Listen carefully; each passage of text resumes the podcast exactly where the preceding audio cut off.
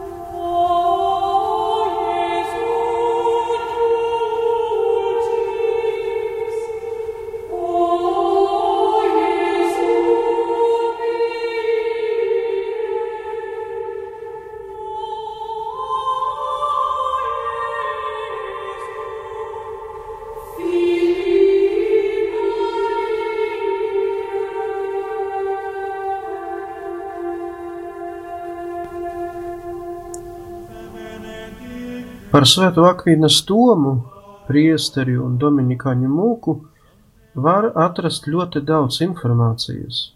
Par viņu stāsta neskaitāmās grāmatas un publikācijas, par viņu stāsta un sniedz savu liecību arī viņa paša sarakstītie darbi teoloģijā un filozofijā, un neraugoties uz to, ir pietiekami daudz balto plankumu šī svētā dzīves aprakstos. Kā piemēru var minēt kaut vai to, ka nav zināms konkrēts datums, kad ir dzimis svētais Toms.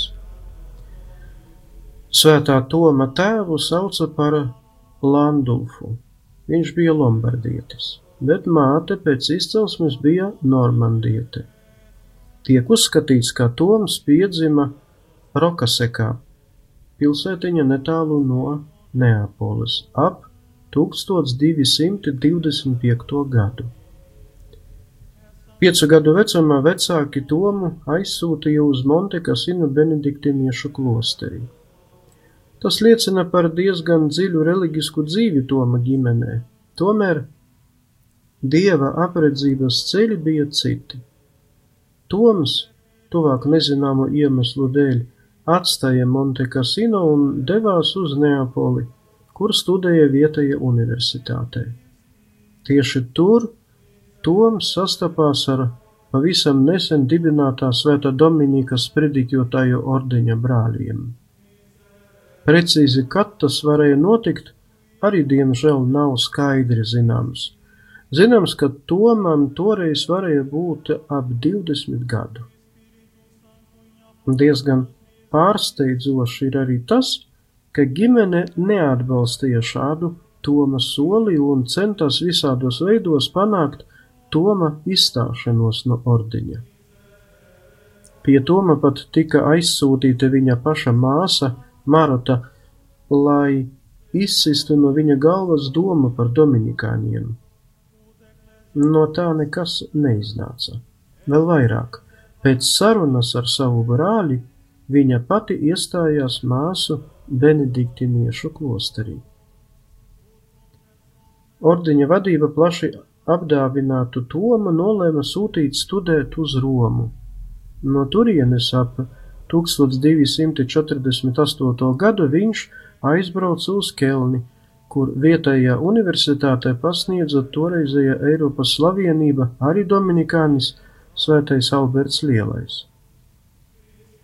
Pabeidzis universitāti Tomu aizsūtīja uz Parīzi, kur nozīmēja par teoloģijas pasniedzēju Sorbonas universitātē. Sākotnēji viņš pasniedza bībeliskās zinātnes, tad pasniedza Pētera Lombarda sintēzes. Toms ātri kļuva par universitātes zvaigzni, jo viņa pasniegšana bija izteiksmīga, skaidra, dziļa. Toms izstrādāja savu metodi. Runājot par kaut kādu konkrētu problēmu vai lietu, viņš sākumā izvirzīja grūtības un argumentus, kas runāja pret to, un pēc tam, pēc kārtas apgāžot tās, sniedza vispusīgu problēmas izklāstu. Svētā Toma pirmais darbības posms Sorbonas universitātē bija samērā īs - tikai septiņi gadi. Daudzu intrīgu dēļ, kādus savērpa sprediķotāja ordeņa nelabveļi Toms, kopā ar citiem dominikāniem atgriezās uz Itāliju. 1260. gadā ģenerālā ordeņa kapitula laikā Toms tika nozīmēts par ordeņa sprediķotāju. Četrus gadus, no 1261. līdz 1265. gadam, Toms pasniedza arī pāvesta rezidencē. No 1265. līdz 1267. Eh, gadam Svētais Toms darbojas Romā, Svētās Sabīnes klosterī. Vienu gadu no 1267. līdz 1268. gadam Toms bija par pāvesta sprediķotāju Viterbo pilsētā. Exaudi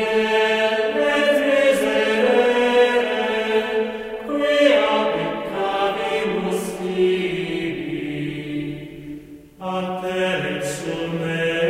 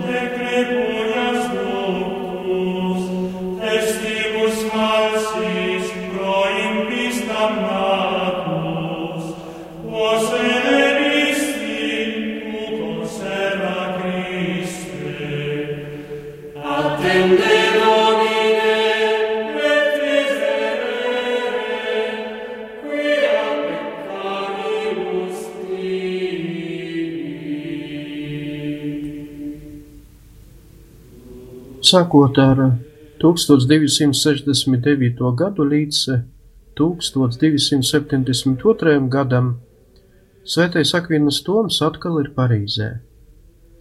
Tad atkal brauc atpakaļ uz Itāliju, kur līdz 1274. gadam pasniedza Neapoles universitātē. Tur Svētais Toms no Dominikāņu ordeņa kapitulas saņēma uzdevumu noorganizēt ordeņa brāļiem ģenerālās studijas, kuras viņš arī lieliski organizēja tieši Neapolē. 1274. gadā Svetīgais pāvests Gregors Desmitais Lionā sasauca otro vispārējo Lionas koncilu. Tajā piedalīties tika uzaicināts arī svētais Toms, Šajā koncilā bija paredzēts, ka Toms runās par Austrumu baznīcas teoloģiskajām kļūdām, jo koncils, koncila mērķis bija ļoti vienkāršs un ļoti dziļš, proti baznīcas apvienošana, rietumu un austrumu baznīcas apvienošana. Tomēr arī šoreiz dieva apredzības ceļi bija citi. Pēc īslaicīgas slimības Ceļā uz koncila norises vietu Toms nomira 1274. gada 7. martā. Svēto kārtā Akvinas Tomu iecēla pāvests Jānis 22. 1323. gadā, bet svētais pāvests Pīs V 1567. gadā Svēto Tomu iecēla baznīcas doktora godā. Svēto Tomu jau viņa dzīves laikā mēdza saukt par doktoru komunis, universālās kristietības doktors, bet kopš 15. gadsimta Svēto Akvīnas Tomu sauc arī par eņģeļu doktoru. Svētā Akvīnas Toma relikvijas kopš 1368. gada atrodas Tulūzā, Francijā. Tajā pašā gadā tās tika sadalītas. Akvinas Toma labās rokas relikvijas tika nodotas Parīzes Dominikāņu ordeņa baznīcai, bet Akvinas Toma galvas relikvijas tika nodotas Salerma pilsētas katedrālei. Neapolē Celle, kurā Toms dzīvoja un darbojās, pārveid, ir pārveidota par kapelu, kura atrodas viņa kreisās rokas relikvijas. Svētā Akvinas Toma rakstu mantojums ir milzīgs. Desmitiem sējumu rakstu par dažādām tēmām, gan teoloģijā, gan filozofijā, pārsteidz arī skaidrojumu dziļums.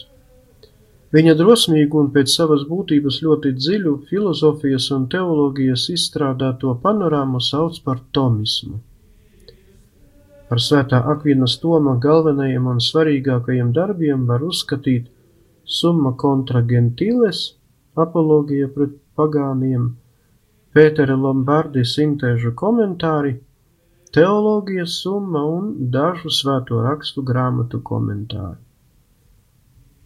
Akvinas Toms bija ne tikai izcils zinātnieks, teologs un pasniedzējs, viņš bija patiešām svētais. Par viņu ir pateikts, viņš bija starp zinātniekiem vislielākais svētais un starp visiem svētajiem vislielākais zinātnieks. Neraugoties uz to, ka viņš bija universitāšu superzvaigzne, viņš bija ļoti pazemīgs, pieticīgs un dziļas lūkšanas cilvēks. Viņš bija arī dzejnieks. Es domāju, ka ir diezgan plaši pazīstami tā sauktie Toma pieci ceļi, kas vērtē cilvēku pie dieva atzīšanas. Nosaukšu tos. Pasaulē vērojamais, vēr, vērojamas dažādas lietas un parādības. Šajā pasaulē nav iedomājamas lietas, kas nespētu kustēties Tātad tām potenciāli piemīt kustība, kurai nepieciešama ārējo spēku iedarbība. Tā kā viss esošais atrodas kustībā, ir jāpastāv pirms kustinātājiem, tas ir Dievam. Pasaulē ir vērojama darbīgu cēloņu kārtība. Lieta nevar būt sevis paša cēlonis, jo tai jo tad tai vajadzētu būt pirms sevis, taču tas nav iespējams. Tāpēc ir jāpieļauj darbības cēloņa dieva esamība. Pasaulē ir lietas, kuru esamība ir iespējama. Tās var gan būt, gan nebūt. Jo nekā nebūt, ja nekā nebūtu, nekas arī nevarētu sākt būt. Tātad nevis esošais ir tikai iespējams, jābūt arī kaut kam tādam, kā esamība ir nepieciešama, un tas ir Dievs, tīrā darbība, mūžīgais akts. Pasaulē vērojama dažādu būtņu gradācija. Tās ir vairāk vai mazāk labas, cildenas, patiesas. Tas ir mērs, kas ļauj šīs īpašības piedēvēt citām lietām. Tādēļ ir jābūt visu būtņu pilnības cēlonim, un šis cēlonis - maksimālā esamība un pilnība - Dievs. Norises lietu un parādību pasaulē liecina, ka viss tiecas uz finālu. Tas nevar būt gadījuma rezultāts, bet gan kāda augstāka nolūka izpausme. Tas, kam nepiemīt apziņa, nevar virzīties uz mērķi citādi kā vien augstāka prāta vadīts. Šis prāts, kas visu vada uz mērķi, ir Dievs. Raidījuma beigās ieklausīsimies Svētā Toma sacerētās himnas vārdos. Šo himnu Svētais Toms ir veltījis vissvētākās evaharistijas godam. Himna skanēs oriģināla valodā, proti latiniski, bet latviski mēs šo himnu pazīstam kā dziesmu un lūkšanu grāmatām Pielūdzoties tevi, augstais svētais Dievs. Liels paldies par uzmanību, un nākamais raidījums nākamajā ceturtdienā būs veltīts citam svētajam, kuru baznīca arī ir nosaukusi par baznīcas doktoru, proti svētajam Bonaventūram. Lai ir slavēts Jēzus Kristus.